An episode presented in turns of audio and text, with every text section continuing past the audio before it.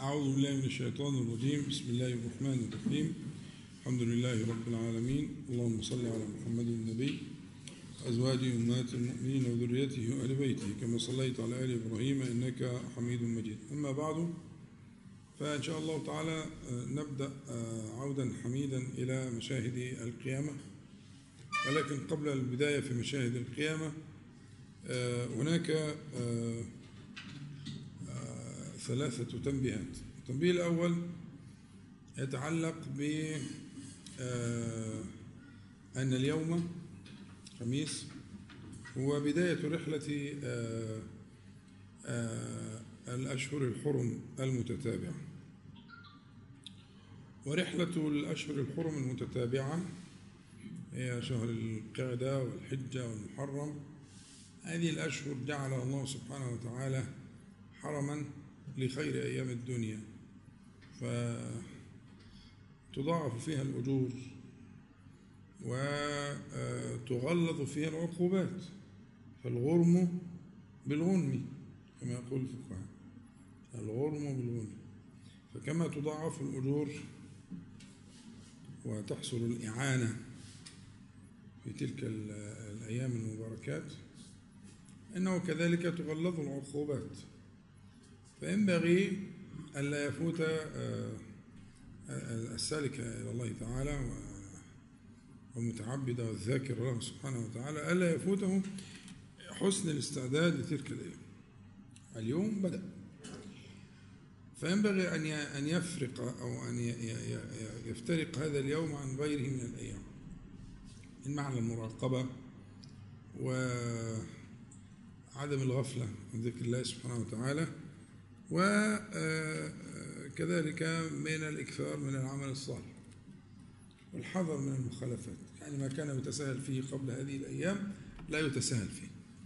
ينبغي أن تأخذ نفسك بقدر ما تستطيع من الاحتياط والجد في تلك الأيام المباركات التي بدأت من اليوم. حتى إذا ما بلغك الله سبحانه وتعالى يا رب العالمين وإيانا خير أيام الدنيا اللي هي العشر الأول من ذي الحجة. حتى إذا بلغنا الله سبحانه وتعالى ذلك يعني نعان بقى. يعني ببركة هذا السعي وهذا الإعداد ما من أيام العمل الصالح فيها أحب إلى الله تعالى من العشر. قال ولا الجهاد عليه الصلاة والسلام قال ولا الجهاد إلا آخر الحديث. فالشاهد أنه إعداد خطة إعداد لك ولمن تحب لمسألة خير أيام الدنيا ولتلك الأيام الحرام. هذا هو التنبيه الأول. التنبيه الثاني متعلق بالنية. قلت لك اجتهد جدا في في إحضار قلبك في نية الأعمال. وأنا مشغول بنية هذا اللقاء. يعني أنت إذا جئت هذا اللقاء هناك نيات إذا وفقت إليها تضاعف الأجر وربما كان محورا من محاور تغير حياتك. ومن ذلك ما قلت لك في الحديث الذي رواه مسلم في صحيحه من رواية أبي سعيد رضي الله عنهما وعن أبي هريرة. رواية أبي هريرة وأبي سعيد رضي الله عنهما أن النبي صلى الله عليه وسلم قال لا يقعد قوم يذكرون الله عز وجل إلا حفتهم الملائكة وغشيتهم الرحمة ونزلت عليهم السكينة وذكرهم الله في من عنده. ثم بعديه الحديث في نفس في, في صحيح مسلم الذي يليه ما اجتمع قوم في بيت من بيوت الله. فهذا أعم الحديث الأول أعم. في صحيح مسلم أيضا اللي هو ما لا يقعد قوم يذكرون الله عز وجل. فاستحضار النية في مجيئك لهذه اللقاءات وهذه المجالس مجالس الذكر أن تستحضر هذا الوعد لأن هو الوعد صيغة بلغة العرب بصيغة قوية جدا اللي هي بيسموها صيغة الإيه؟ القصر صيغة القصر لا يقعد قوم يذكرون الله عز وجل إلا إلا. ودي بيسميها بيسميها العرب صيغة القصر. وصيغة القصر إذا أردت غاية التوكيد فيما تقول ذهبت إليه. ولذلك كانت هي آه، الصيغة المختارة للدخول في الإسلام. يعني لا لا يدخل المرء في الإسلام إلا بصيغة الإيه؟ القصر اللي هي بلا وإلا. اللي هي الاستثناء وقبله النفي. فمثلا آه، إن إلهكم لواحد وإلهكم إله واحد. ده قرآن كلام ربنا. لا يدخل المرء الإسلام. لا يدخل المرء الإسلام أن يقول إن إلهنا واحد. توكيده أو إلهنا إله واحد. لا. لا يدخل إلا أن يقول لا إذا كان يقدر طبعا أن ينطق. لا إله إلا الله. محمد رسول الله صلى الله عليه وسلم.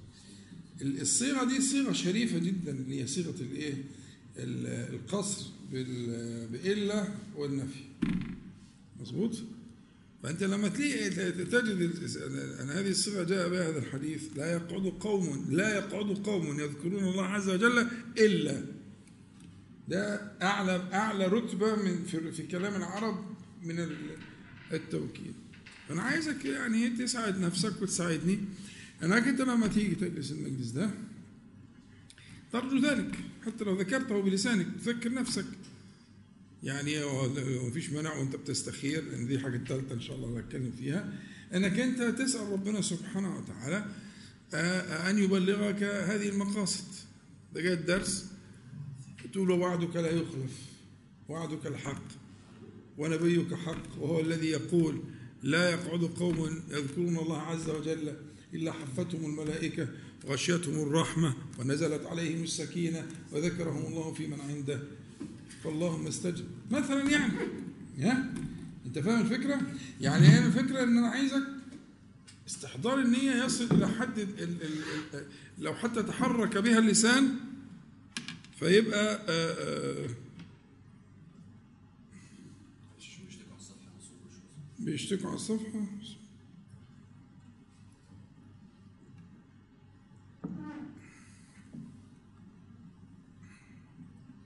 طيب. ودول برضه بيشتكوا؟ لا هو عشان عشان برضه الصوت الاستماعي يبقى قوي طيب ماشي. لا براحتكم. إحنا عايزين بس الناس تسمع. يبقى التنبيه الأول بداية رحلة الأيام الحرم اليوم. التنبيه الثاني نيتك في تلك المجالس. هذا المجلس وفي غيره من المجالس.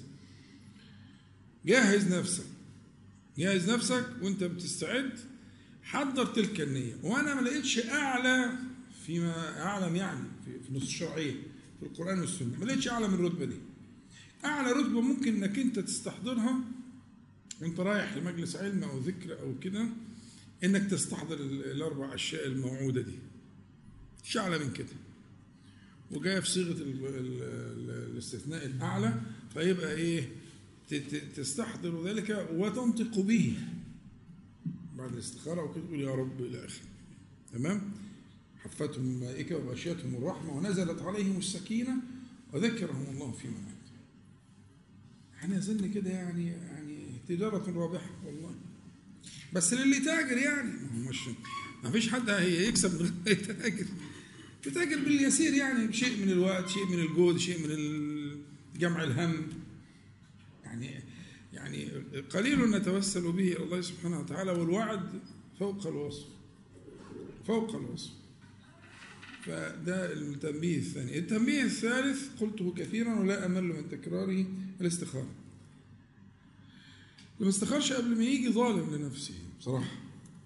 ليه؟ لأن هو أنت في الاستخارة بتطلب بركة الحاجة بركة العمل ده. بتطلب الخير اللي فيه. بتطلب اليسر. بتطلب البركة. بالنص نص الحديث يعني. وفي البخاري كان يعلمنا الاستخارة في الأمور كلها كما يعلمنا السورة من القرآن. أعلى من كده إيه؟ إيه أعلى من كده؟ يعني كان بيعلمهم النبي صلى الله عليه وسلم حاجة أعلى من القرآن؟ ما فيش فكان يعلمنا الاستخارة في الأمور كلها كما كما يعلمنا السورة من القرآن فلما يكون عمل أنت ترجو فيه شهود الملائكة وأن تحفك الملائكة.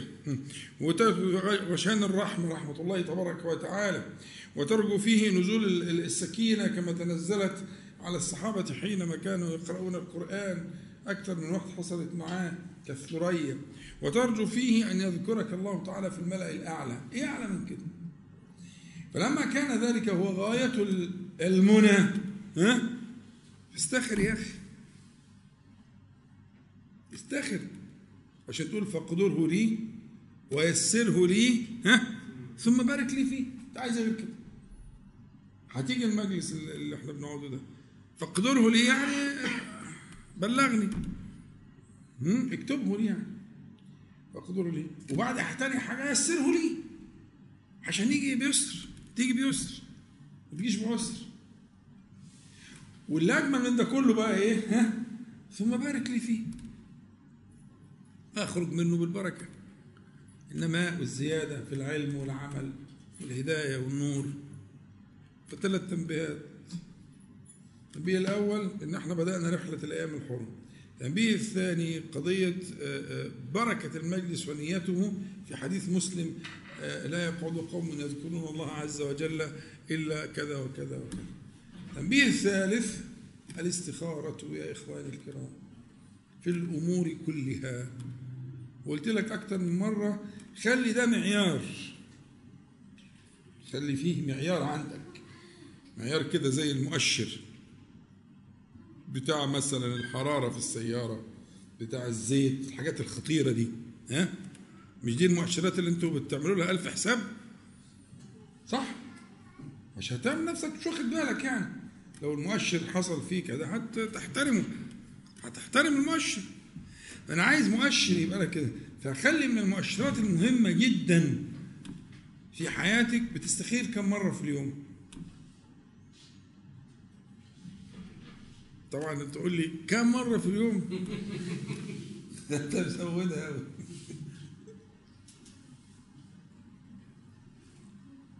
طب ما هو أنت بتهم كم مرة في اليوم؟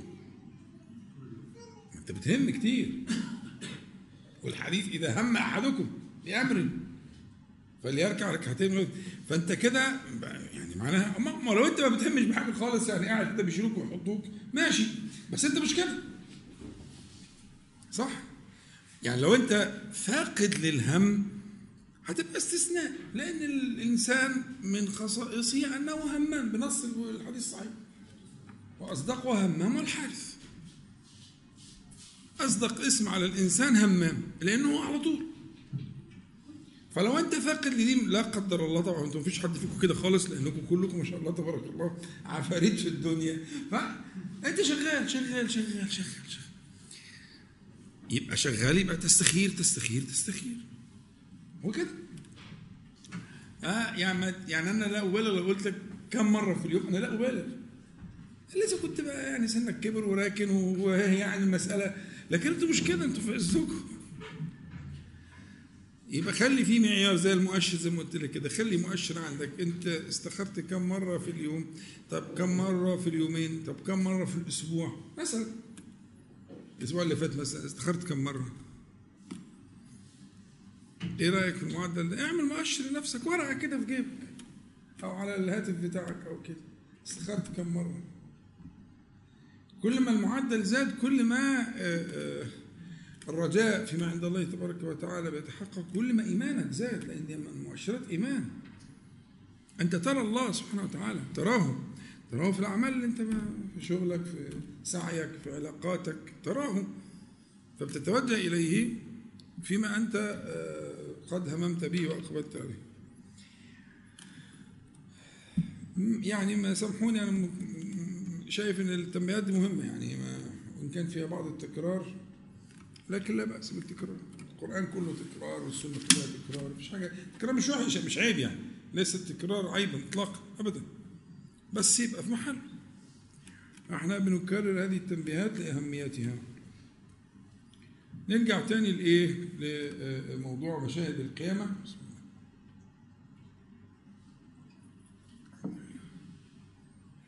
وإحنا آه، زي ما قلنا المشهد في القرآن أو في السنة عبارة عن صورة بيرسمها النص. الغرض إنك أنت تعيشها إنك أنت تعيش تلك الإيه؟ الصورة بتفاصيلها يعني مثلا لما ربنا تعالى يقول يوم يخرجون من الأجداث سراعا. يوم دي منصوبة ليه؟ لأنها ظرف. ظرف زمان. يبقى إذا هنا الصورة اللي هتترسم في الآيات دي زمان وحركة ومكان وصورة أنت تتصورها. فأذكر ذلك اليوم. يوم يخرجون اذكروا ذلك اليوم. يخرجون من الأجداث جمع جدث اللي هو المقابر أو الأشياء اللي بتحط فيها الإنسان من الحفر في الأرض. يخرجون من الأجداث حالة كخروجهم سراعا. مسرعين يعني مش خروج عادي مش واحد كده لا ما بيقعدش بقى ينفض التراب عليه ولا لا ده يخرج خروجا سريعا كما وصف الله سبحانه وتعالى. كأنهم إلى نصب يوفضون دي بقى اللي تهمني كأنهم ده تشبيه. صح؟ يعني هذا الخروج السريع يشبه الصورة اللي جاية كأنهم مظبوط؟ إلى نصب يوفضون هي أصلها يوفضون إلى نصب. أصلها كده بس لأهمية النصب ها؟ الجار الموجود هو متعلق بيوفضون. تقديم المتعلق ده خلاف مقتضى الظاهر. حصل تقديم ليه؟ علشان أهمية ذكر النصب كأنهم إلى نصب يوفضون النصب دي جمع. جمع نصب نصب ونصب ونصب. النصب ده اللي هو المفرد ما ينصب ليعبد. يعني شيء ينصب ليعبد. اللي جاء موجودة في القرآن الأنصاب. أنصاب والأزلام رجس من الأنصاب. فنصب وأنصاب جمعها نصب وأنصاب. جمع إيه؟ جمع نصب. نصب. مفردها نصب. زي فرد وأفراد. نصب وأنصاب ده الجمع. النصب هو ما ينصب ليعبد. يبقى كأنهم إلى نصب إلى ما يعبد. كأنهم إلى ما كانوا يعبدون يوفضون. لو أنت سألت نفسك فكرنا سوا مع بعض. إيه أكتر حاجة عبدها الإنسان من دون الله تعالى؟ ما هو دول ده البشر كله يعني الوصف ده مش للإيه؟ مش ل مش للمسلمين أو ده الدنيا لكل الناس. فكأنها نصبت نصبت هذه النصب هي نصب دي جمع خلاص. فكل إيه مجموعة وكل ناس خارجين من الأجداث آه بالأمر الإلهي معفرين ومطربين وحالهم ما نبل ربنا وكأنهم ينطلقون كالسهام إلى مجموعة من النصب ما نصب ليعبد يوفضون يهرعون إليها. فأنا عايز أتصور معاك دلوقتي تتصور معايا إيه أكتر حاجة عبدها الإنسان من دون الله عشان دي هتنصب؟ لأن دول بصفة أهل الإيمان. دي صفة من كانوا يعبدون غير الله تعالى. فتنصب لهم أو يبحثون عما كانوا يعبدون. فده هيخليني أفكر معاك هو إيه أكتر حاجة عبدت من دون الله على مدار الإنسانية والبشرية؟ إيه؟ صح. قولا واحدا. قولا واحدا. الهوى. بنص القرآن الكريم.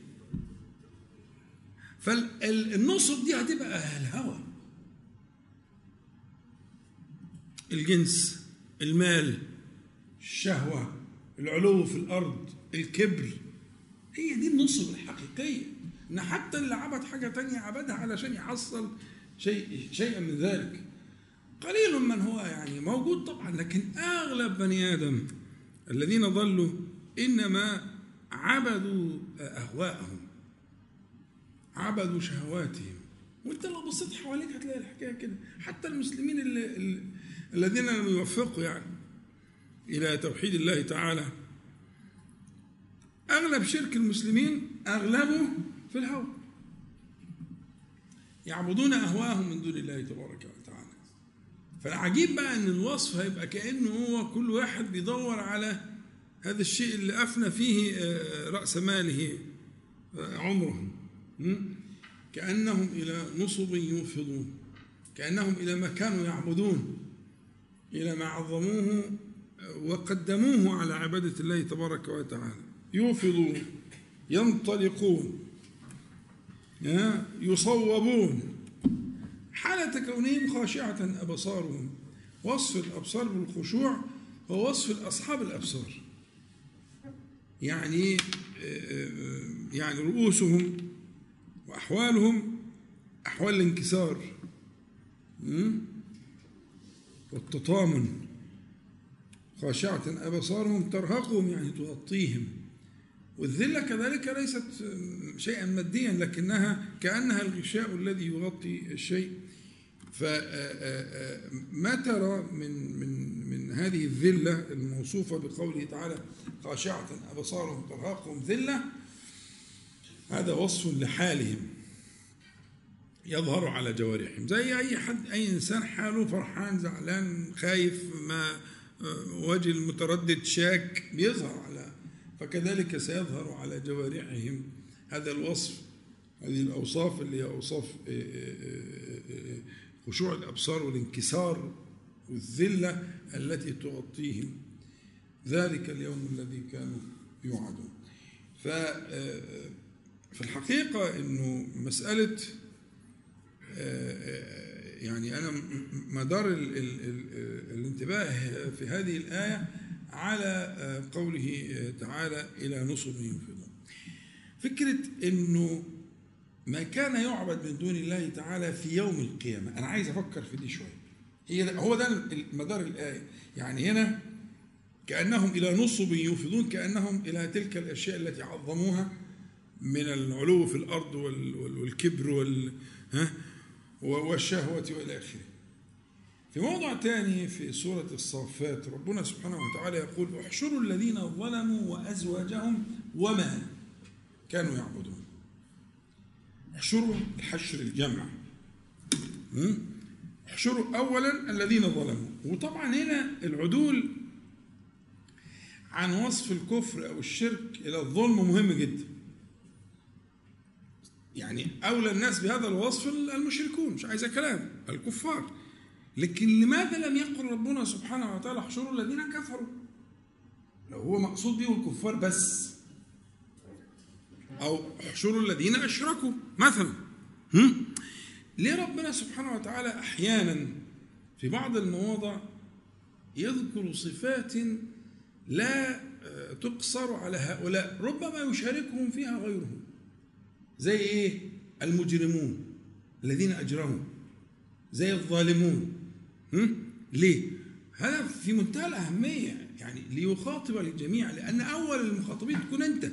أنت تنتبه لهذا الموضوع فلما يقول سبحانه وتعالى احشروا الذين ظلموا فاسأل نفسك. وراجع وحاسب روحك. صحيح ان إن الشرك لظلم عظيم صحيح. هم أولى الناس بهذا الوصف المشركون. لكن لماذا عدل عن لفظ المشركين؟ ولماذا عدل عن لفظ الكفار إلا أن يكون تنبيه وتخويف وإرعاب لمن وقع في الظلم؟ احشروا الذين ظلموا و يعني واحشروا برضه من عمل مستمر. احشروا الذين ظلموا وأزواجهم. أزواجهم لها تأويلات بس التأويل الصحيح إن شاء الله اللي هو من على شاكلته. يعني الناس هتحشر أصناف. كما قلت لكم قبل ذلك الناس تحشر يوم القيامة أصنافا. من خير وشر أصناف زمر. حزم. شرحناها كتير قبل كده. فلما نقول وأزواجهم نرجع لمثلا قوله تعالى وإذا النفوس آه زوجت نفس المعنى. لفكرة إيه؟ فكرة إنه آآ آآ كل أصحاب صفة غالبة يجمعون. يعني أهل الإحسان لخلق الله يجمعون؟ مع بعض. أهل المحبة. يجمعون. مظبوط. أهل الكبر والعياذ بالله يجمعون هكذا. فهي هذا التزويج المبني على الصفات مهم جدا في تصور يوم القيامة. مش بقى كانت لغته إيه ولا كانت جنسيته إيه ولا كان زمانه في أول الزمان ولا في آخر الزمان ولا في وسط الزمان ما فيش كلام من ده. هو اللي هيحصل إنه هيتجمعوا مع بعض. يعني قارون ومن قبله ومن بعده ها هيتجمعوا مع بعض اللي هم الفرقة بتاعت إيه؟ بتوع ال-؟ ال- الكنز والمال والبتاع هذا التزويج مهم جدا احشروا ده الأمر طبعا من الله تعالى للملائكة الكرام احشروا الذين ظلموا عرفنا ليه مش مش كفروا ولا اشركوا وأزواجهم آه يعني ومن كان على شاكلتهم يجمعون في الأولين والآخرين. ففي النهاية في النهاية هينقسم المحشر إلى زمر إلى مجموعات. حزم. وكل حزمة لها سمة جمعتهم. واخد بالك؟ احشروا الذين ظلموا وأزواجهم اللي بقى يهمنا عشان الآية اللي فاتت وما كانوا يعبدون. يعني ولو اتفقنا إن ما كانوا يعبدون يقول لك مثلا هيجيبوا اللات والعزى أيوه بس على مدار الزمان اللي عبدوا اللات والعزى نسبتهم قد إيه في البشرية؟ مظبوط؟ حاجة يعني حتى لو قلت دخلت فيهم الجماعة بتوع بوذا ومش عارف إيه، برضه العدد مش مش هو ده مش ده اللي فتن الناس مش ده اللي فتن الناس ده حتى اللي كانوا بيعبدون المسيحه ده مريم؟ عمال يقلوا وأغلبهم الموضوع مش داخل دماغه يعني. وأغلبهم ملحدين و... لكن الحاجة اللي مشترك فيها البشرية كلها بلا نقاش. الهوى. اللي جواك يعب- يع- يعبد ما بداخله. يعبد شهوة تقهره وتذله. يعبد مالا يدفع في في في سبيله كل شيء. يعبد جاها وسلطانا لا يتردد في أن يبذل فيه شرفه في سبيل الجاه والسلطان? وهكذا. ده اللي مشترك فلو أردت إنك تبحث عن مشترك إنساني مشترك إنساني فالمشترك الإنساني هيكون في الهوى. مش هيكون في ال- الأصنام والبتاع. موجود آه بس مش ده المشترك الانساني بل ربما كثير من أصحاب ال من عبدوا ال- ال- الأصنام وأنواع حملهم على ذلك الهوى. العلو والرغبة في العلو تحصيل ال- إلى اخره فبالتالي الآية بقى اللي معانا في الصفات اللي هي وما كانوا يعبدون يعني دول هيتوجدوا يعني ستنصب هذه الأشياء. يعني الكبر الكبر سيمثل؟ وطبعا إحنا ثبت عندنا وقلنا قبل كده شرحناها إن الرحمة وال... والسكينة والأشياء دي اشياء مخلوقات مخلوقات الله. الرعب مخلوق من مخلوقات الله. جند من جنوده وما يعلم جنود ربك إلا هو. نصرت بالرعب بالرعب مسيرة شهر. والسكينة لما قال له تلك السكينة تنزلت فإذا هذه قطعا بالنص مخلوقات من مخلوقات الله تعالى. طب دي الحلوة. طب والثانيه ما هي برضه موجودة. ما هو الكبر.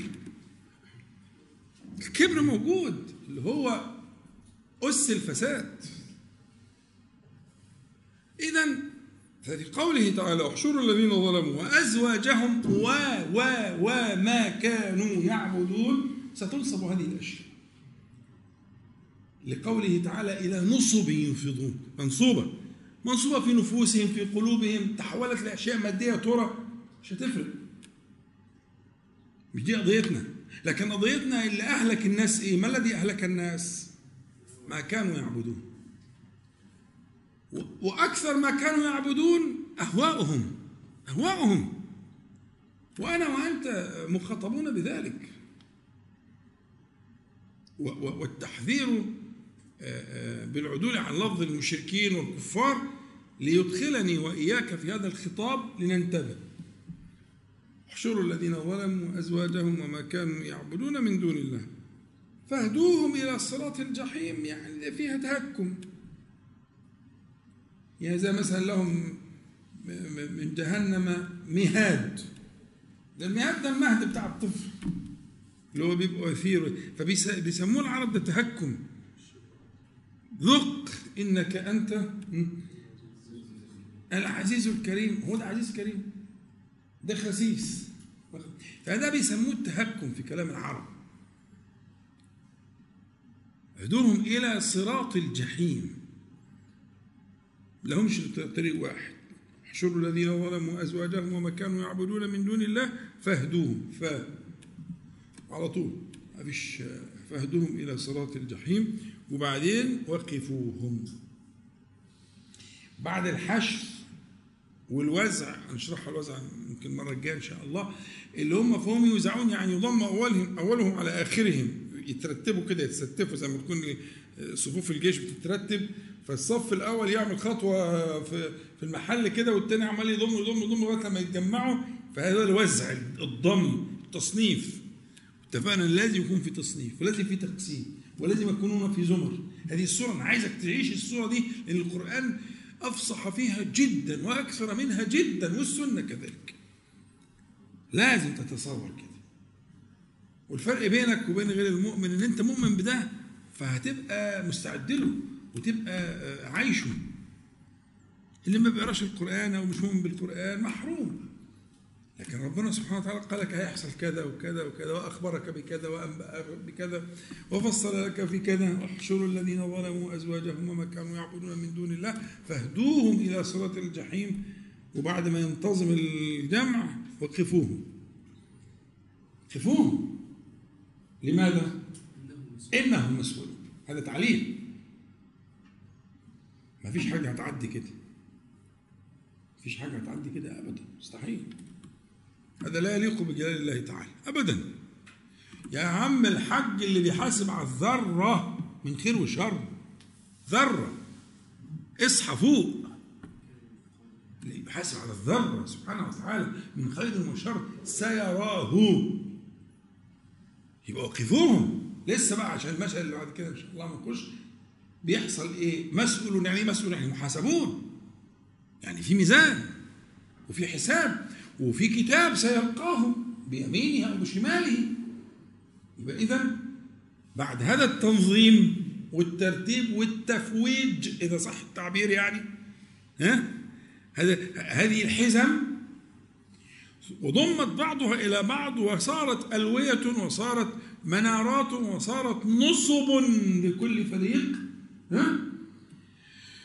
يقال وقفوهم. لماذا؟ إنهم مسؤولون عن القليل والكثير عن العظيم والحقير. إنهم مسؤولون. وقفوهم إن لأنهم مسؤولون. ما لكم لا تناصرون. هذا بقى استمرار لفكرة التهكم اللي فات.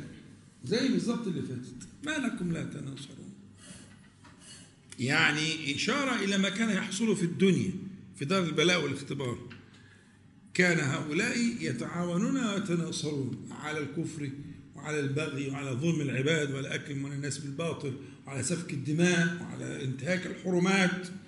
مش كنتم تتناصرون في ذلك؟ الآن ما لكم لا تناصرون؟ ما لكم لا تناصرون؟ هذا ليس استفهاما حقيقيا إنما الغرض منه التهكم بل ها؟ إضراب. بل هم اليوم مستسلمون. هم اليوم مستسلمون. كل هؤلاء. من أخطر ال ال ال ال ال هذه الأفواج وأذلها على الله تبارك وتعالى أهل الكبر. يعني عشان أنت لما تشوف في- السنة النبي عليه الصلاة والسلام يقول لا يدخل الجنة من في قلبه مثقال ذرة. الذرة في كلام العرب أصلها النملة الصغيرة يعني؟ مثقال ذرة من كبر يعني حاجة لا يدخل. عشان تفهم إن هذا ال- ال- ال- الخلق اللي هو يحجب الإنسان عن رحمة الله تبارك وتعالى في الدنيا والآخرة. يحجبه في الدنيا والآخرة. فلو تصورنا عايزين نتصور هذا الفوج فوج المتكبرين اللي كانوا في الدنيا متكبرين يتكبرون عن عباد الله؟ كيف يكون حالهم؟ في الحديث النبي عليه الصلاة والسلام يقول يحشر المتكبرون يوم القيامة أمثال الذر في صور الرجال.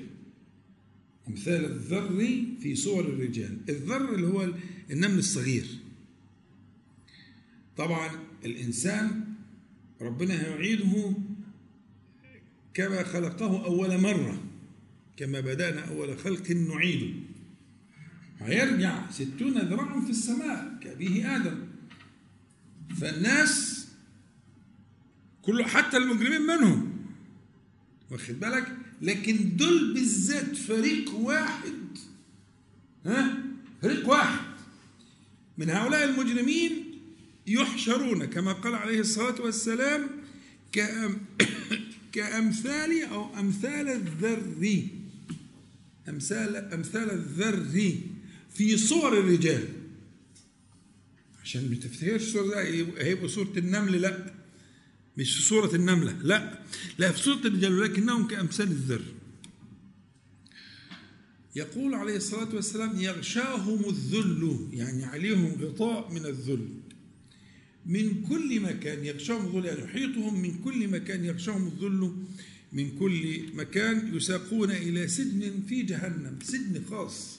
يعني هم لهم لهم معاملة خاصة في كل حاجة.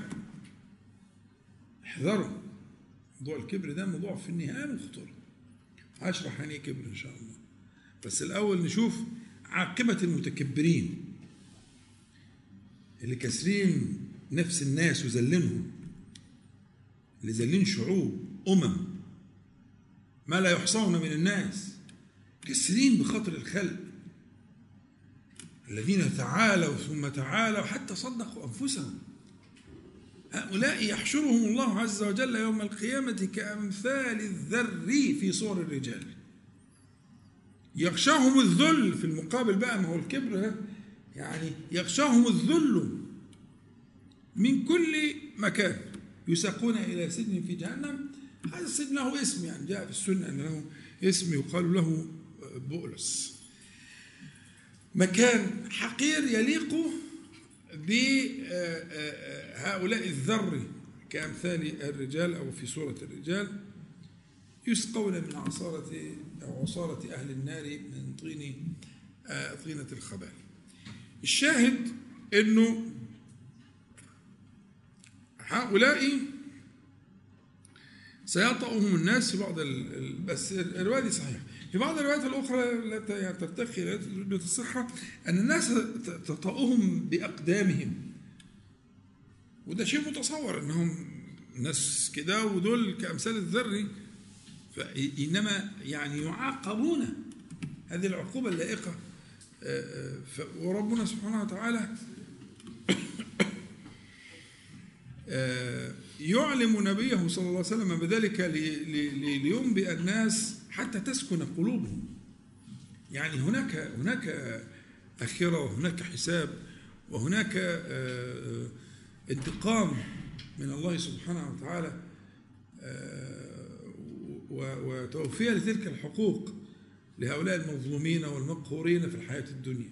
الله سبحانه وتعالى لا يضيع ذلك أبدا جل جلاله. آه يحشرون يوم القيامة أمثال الذر في صور الرجال طبعا فكرة ال ال ال الكبر القصة الشهيرة بتاعت لما قال النبي صلى الله عليه وسلم وحذر من أنه لا يدخل الجنة من من في قلبه مثقال ذرة من كبر. فسأله بعض الصحابة رضي الله عنهم إن الرجل لا يحب أن يكون ثوبه حسنا ونعله حسنا. وكان على استعداد يتركوا ده كله إذا قال النبي صلى الله عليه وسلم ذلك فالنبي عليه الصلاة والسلام أعلمهم أنهم ليس ذاك ليس هذا هو الكبر. وقال الكبر بطر الحق وغمط الناس.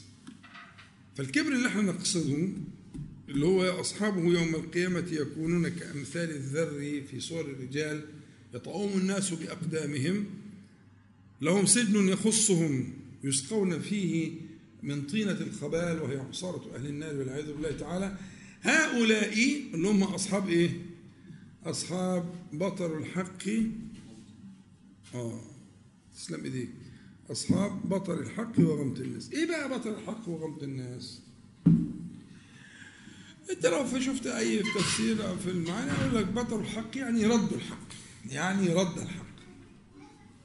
وغمط الناس يعني ظلم الناس. أو ده الإيه؟ ها؟ لكن هو في الحقيقة إن بطر الحق مش أي رد. وغمط الناس مش أي ظلم. دي صور مخصوصة لهؤلاء الناس اللي هو بطر الحق يعني رد يعني رد الحق بأنفة واستعلاء. يعني ممكن واحد يرد الحق بتأول أو بجهل أو باندفاع أو بعدم تروي ما هي صور رد الحق متعددة. لا هنا الحديث بيستخرج صورة واحدة لرد الحق. رد الحق باستعلاء. رد الحق بعلو. يعني الذي يرد الحق لأنه يرى نفسه يعني أعلى من ذلك الحق الذي يقال له فهو ذا الذي وصفه النبي صلى الله عليه وسلم ببطر بطر الحق. وفي ناس إن شاء الله بنشرح أكثر في اشتقاق المادة مهمة مادة البطر. بطر ورئاء الناس كما قال ربنا تبارك وتعالى. فالبطر البطر هو الرد باستعلاء. مش أي رد. مش رد بتأول ولا بوجهة نظر ولا بغباوة ولا بجهل. لا لا لا لا. رد بعلو واستكبار. وغمط الناس ظلم الناس مع احتقارهم. مش أي ظلم برضه. مش كل الظلم داخل في التعريف ده. أصل إحنا بنتكلم في فئة يعني من أحط ما تكون في يوم القيامة. فئة منحطة جدا. فئة المتكبرين دول اللي هم يعني أذلوا الخلق حسبنا الله ونعم الوكيل. ربنا تعالى وصفهم بهذا الوصف والنبي صلى الله عليه وسلم بين لكم بطر الحق يعني رده بأنفة وعلو وغمط الناس ظلم الناس مع احتقارهم.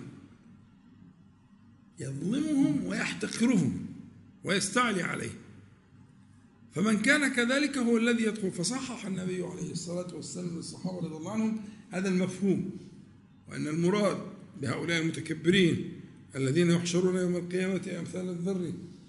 وفي سورة الرجال وأن الناس تطأهم بأقدامهم إلى آخر ما وصف أن هذا لمن كان بهذا الوصف بطر الحق وغمط الناس. ففيه من التخويف والإرعاب وفيه من التسلية للمظلومين المقهورين. يعني المظلوم المقهور المؤمن الذي يؤمن بالقرآن والسنة ها هيبتدي يسكن. هيتاجر مع ربنا. ويعلم إن الحياة قصيرة. وأن هناك سيقتص له واخد بالك؟ فربما يعني يقلل ذلك من كمده وألمه وغيظه ويسكن قلبه نوعا ما. وتكرار المسائل دي على أذهان الناس مهم يا أخوانا جدا. هذه النصوص جاءت لتتلى وتقرأ وتعلم ليعلمها الناس. الآخرة هي الميزان. ولولا الميزان الآخرة لتحول الناس إلى وحوش. الآخرة هي الميزان الذي يضبط أحوال الناس وأفعالهم. ولذلك قلت لك كثيرا أن تعامل النصوص الشرعية مع الآخرة وهي أحد الأركان الستة للإيمان تعامل مختلف دائما دائما. يؤمنون بما أنزل إليك وما أنزل من قبلك وبالآخرة هم يوقنون. ولم يقل يؤمنون. كانت تحتاج إلى ذلك. كأنها كأنك تراها. يعني أنا عايز أتعامل مع آيات وأحاديث مشاهد القيامة بالتكرار حتى كأني أراها. كأنك تراها. اللي هي معنى اليقين. كأنك تراها. أن يكشف الله لك من الحجب ما يريك ما يكون في يوم القيامة من نصب الموازين ومما تسمع. فذلك من كان يؤمن بالله واليوم الآخر. كثير في حديث النبي عليه الصلاة والسلام. طب فين الملائكة؟ فين الكتب؟ فين الرسل؟ هذه أركان الإيمان. لماذا قال يختار دائما النبي عليه الصلاة والسلام من كان يؤمن بالله واليوم الآخر؟ ليه؟ لماذا؟ لهذا الغرض. يوم الآخر هو ال ال الإيمان الذي يحتاج إلى مكاشفة ومعاينة عشان تستقيم أحوال الناس. المتجبر والمتعالي ربما يرتدع. والمظلوم المقهور يسكن ويتاجر مع الله سبحانه وتعالى ويرجو ما عند الله سبحانه وتعالى ويعلم أن تلك الحياة قصيرة قصيرة جدا وأن الله سبحانه وتعالى سينصب الموازين ليوم لا ريب فيه. نكتفي على هذا المقدار ونستكمل المحاور البقاء إن شاء الله تبارك وتعالى. ونسأل الله تعالى أن ينفعنا جميعا بما قلنا وما سمعنا. وأن يجعله حجة لنا لا علينا. رب العالمين وأن يعيذنا وإياكم وسائر إخواننا من المسلمين والمسلمات من شرور أنفسنا ومن سيئات أعمالنا. اللهم صل على محمد. وانزلوا المقعد المقرب منك يوم القيامة. والحمد لله رب العالمين. راحة قصيرة إن شاء الله ونستأنف بإذن الله. طيب بسم الله الرحمن الرحيم. إن شاء الله مش هنطول عشان موضوع النهار. طول جدا وبالتالي نحاول إن شاء الله يعني إشارة كده خفيفة حتى لا نعدم فكرة تصحيح المفاهيم لأنها مهمة جدا عموما تصحيح المفاهيم عموما وتصحيح المفاهيم لاستدامة المودة الرحمة والسكن. استدامة المودة والرحمة والسكن تصحيح المفاهيم من أجل ذلك. اتكلمنا عن حاجات كتير مش هننجح عشان الوقت مش مناسب. لكن إحنا انتهينا ان كنا بنتكلم عن حاجتين عن الضرب وعن النشوز. ودي من المواضع الشائكة جدا في الشريعة. موضوع الضرب موضوع النشوز. موضوع النشوز دقيق عشان هنشرح معنى النشوز يمكن نأخره أو مش عارف الوقت هيكفي لأ لكن نبدأ الأول موضوع الضرب. أنا أشرت ليه قبل كده؟ إن الضرب وإن أذن فيه في القرآن الكريم إلا أنه لم يثبت أن النبي صلى الله عليه وسلم ضرب امرأة ولا خادما ولو مرة واحدة. على كثرة نسائه عليه الصلاة والسلام وعلى كثرة ما صنعنا معه.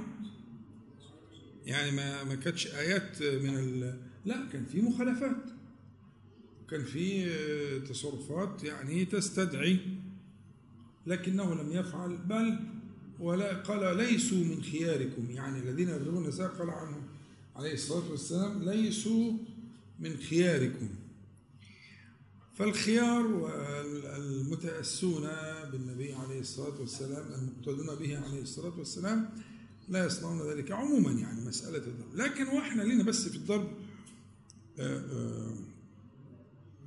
طبعا بشرط ألا يكون بلا خدش ولا كسر. ولا حتى ألم لا يقصد منه الألم ولا الكسر إنما يقصد منه التنبيه والردع والردع.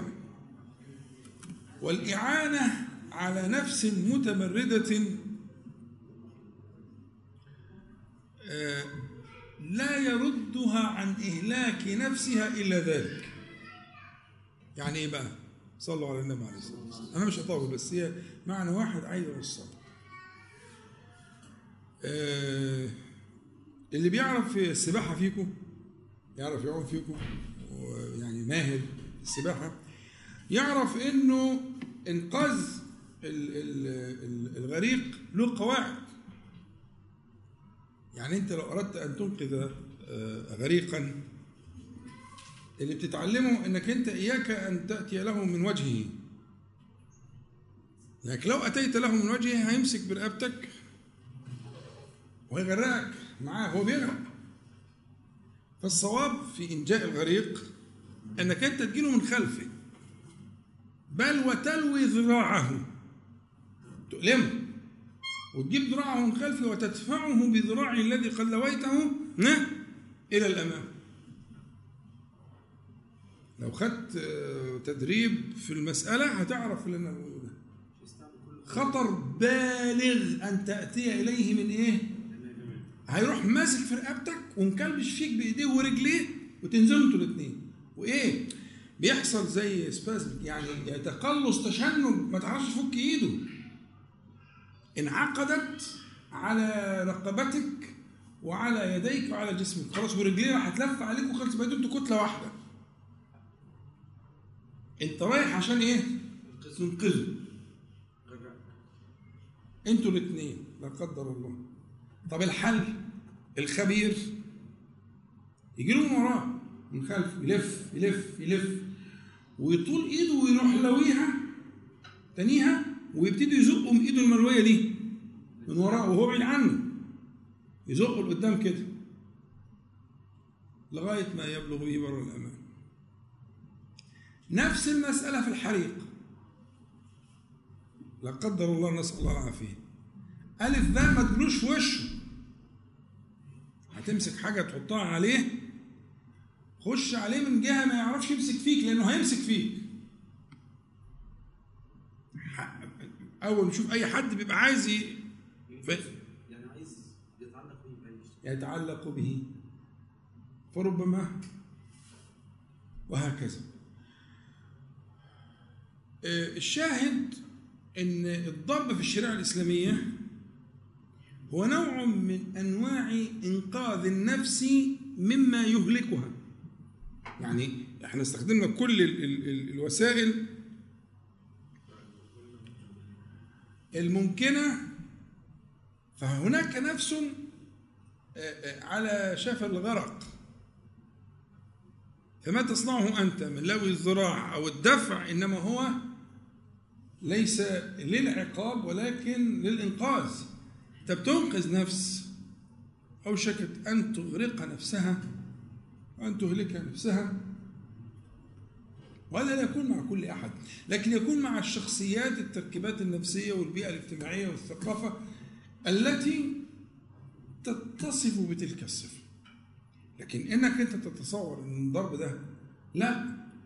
ولذلك أنا بقول دايما كلمة وأنا مسؤول عنها امام الله سبحانه وتعالى أصله شرعي ضابطه عرفي.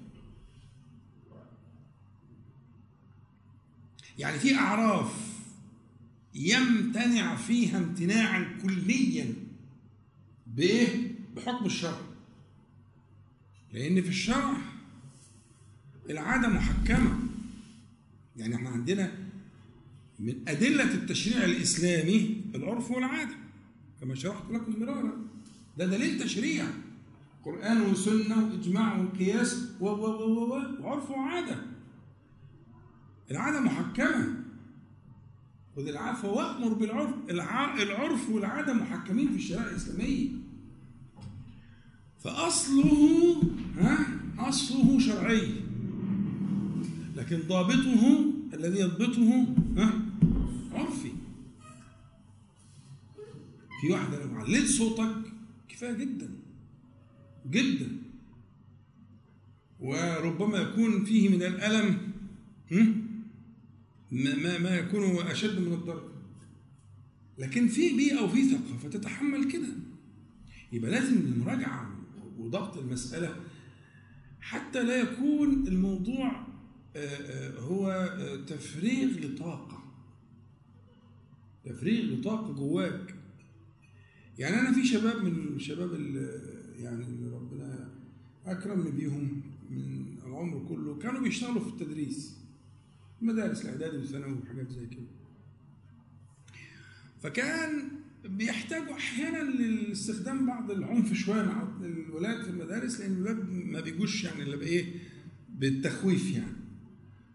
فالضرب آه ممكن تضرب بس كنت دايما أقول لهم للمدرسين إياك أن تضرب وأنت منفعل. انت في الحاله كده ما بتربيش. أنت كده بتخلص حقك أنت انتقامك أنت غضبان.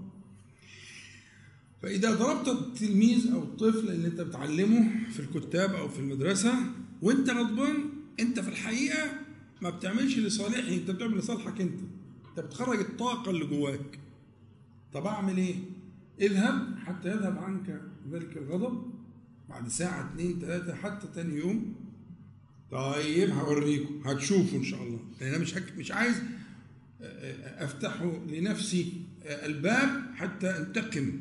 فسيصير ما هذا الذي نصنعه انتقاما ولا يصير تربية ولا صلاحا للولد. انت ولدك اعمل معاهم كده. لما تكون غضبان اياك تعاتب الولد وانت غضبان. تمد إيدك عليه. انت بتطلع الطاقة اللي جواك الكامنة بتخرجها بهذه الطريقة الوحشية. ولكن اذهب بعيدا حتى يذهب الغضب وحينئذ اتحمل بس بقى افتعل انك انت غضبان.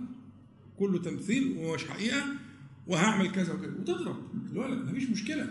بس تضربه بطريقة شرعية وتضربه وانت مش غضبان. وكذلك مع كل أحد. الخطر البالغ أن ما يكون بين الأزواج لا يكون تربية ولا اصلاحا. لكن بيكون تفريغ لطاقه انفعاليه بتفرغ طاقه انفعاليه انت مش معتني بالطرف الثاني انت معتني بالطرف الأول. انت عايز تفرغ الايه الشحن اللي موجودة بتركب أرضي ايا كان بقى النتيجه لأن اللي جواك طاقة وعايز تخلصها بتغاظ من هذا التصرف.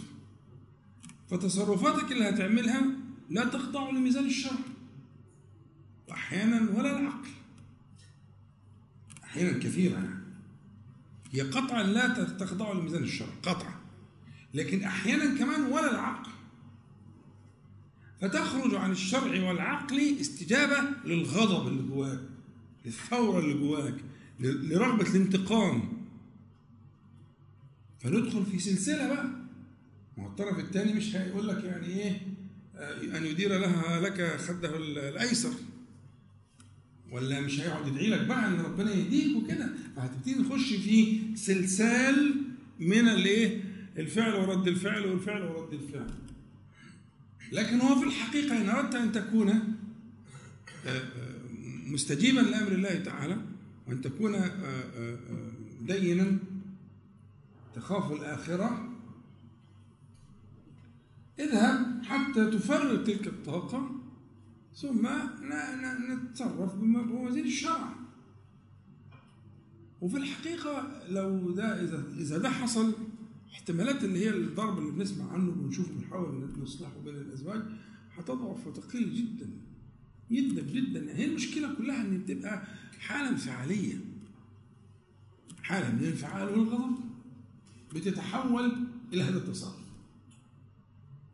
وجوش بقى فيها مراعاة لحكاية إنه إيه أصله شرعي وضابطه عرف ما فيش كلام من ده أصلا. لا شرع ولا عرف.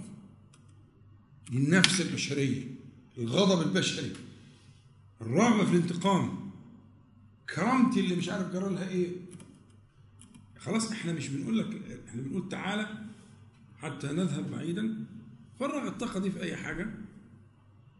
ثم نأتي لما يناسب هذه الحالة بالضابط العرفي وبالأصل الشرعي.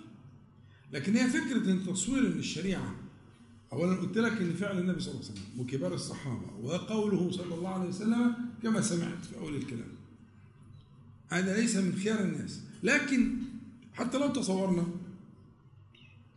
هيبقى الفلسفة بتاعته وفكرته أنك تنقذ نفسا من نفسها. واحد بيغرق واحدة بتغرق. هتضر روحها. يعني أنت مشفق يعني انت أنت لما تروح تنقذ غريب بتبقى رايح ابن ستين مش عارف إيه لا انت بتروح الغالب على مشاعرك تجاه إيه؟ شفقة. صعبان عليك. فبتخاطر علشان ربنا يجعلك سبب. طيب أنا هديك صورة ثانية برضه قريبة من الصور دي وضربتها قبل كده كثيرا المثل ده وأنا متمسك به لو واحد قاعد على قضيب القطار أو المترو أو كده وظهره للمترو وهو جاي وانت شايف المترو أو القطر جاي من بعيد وبتقول له قوم. قوم القطر جاي. فهو يقوم إيه؟ هو مستسخفك يعني في بينك وبينه حاجة. كنتوا لسه ناطشين مع بعض. اخد بالك؟ فيقول لك وانت مالك يا بارد؟ يا ابني أنا عايز مصلحتك. قوم عشان القطر جاي. آه فاكرني بقى عبيط عشان أنا مش عارف إيه بقى. حل بقى عن سماعي دلوقتي. ما أنتوا لسه لطشين مع بعض من شوية. انت شايف إن قعدته على القطر ده لو استمرت بالشكل ده هيهلك انت ممكن تشيله. بس ما هتشيله هتشيله. مش ب- انت عايز تنقذه. يعني إنما تصنع ذلك دفعا لضرر كبير أنت خايف عليه منه. أنت بتفكر في مصلحته. وبتفكر في نجاته في واحد بيضرب مراته كده؟ أظن لا. إن هو يضربها بيفكر في مصلحتها وفي نجاتها من نفسها. هذا هذا هو المرتقى الشرعي.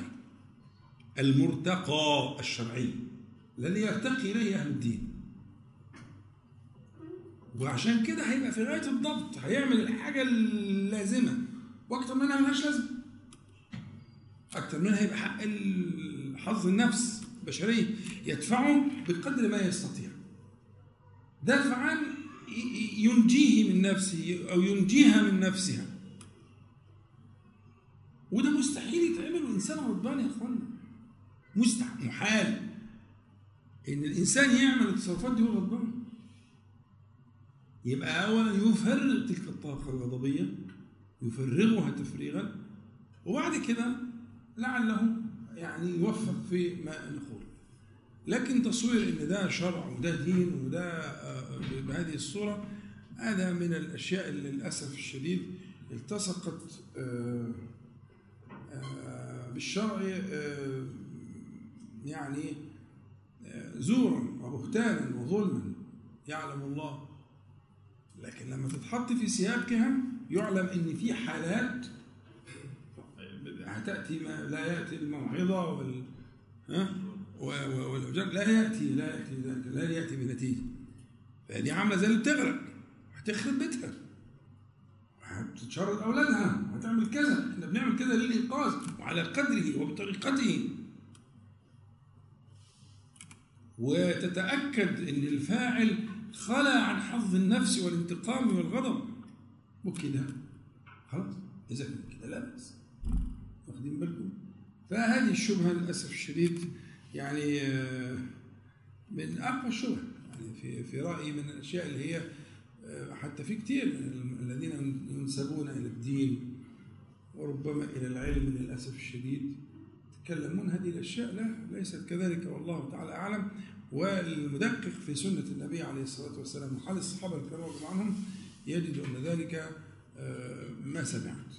وهذا هو ضابطه أصله شرعي وضابطه عرفي.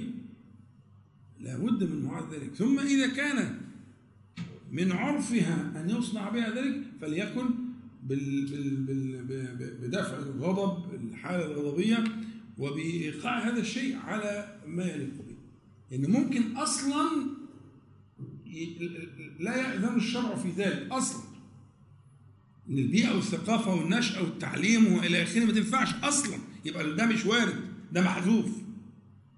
محذوف إيه؟ يبقى ال- ال- الذي أطلقه النص قيده العرف.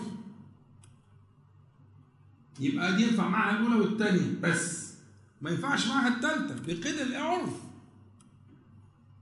في واحدة لو اتعامل معاها كده خلاص إنها لا يحدى الكبر حتى إنها طول عمرها مش ناسية. وعمرها ما كانت كده ولا شافت كده ولا سمعت كده ولا تخيلت كده. الشرع بيقيدك. لكن حتى لو وجدنا قد الشرع يعني بعد مراعاة العرف يسمح لكن يسمح إمتى؟ بالضابط اللي اتفقنا عليها.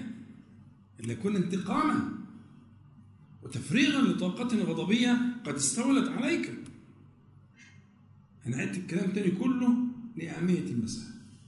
فنسأل الله تعالى أن ينفعنا جميعا بما قلنا وما سمعنا وأن يجعله رب العالمين حجة لنا لا علينا وأن يعيذنا وإياكم وسائر إخواننا من المسلمين والمسلمات من شرور أنفسنا ومن سيئات أعمالنا ومن فتنة القول والعمل. اللهم صل على محمد النبي وأزواجه أمهات المؤمنين وذريته وأهل بيته كما صليت على آل إبراهيم إنك حميد مجيد. والحمد لله رب العالمين. نقول جميعا سبحانك اللهم ربنا وبحمدك. أشهد أن لا إله إلا أنت أستغفرك وأتوب إليك. السلام عليكم ورحمة الله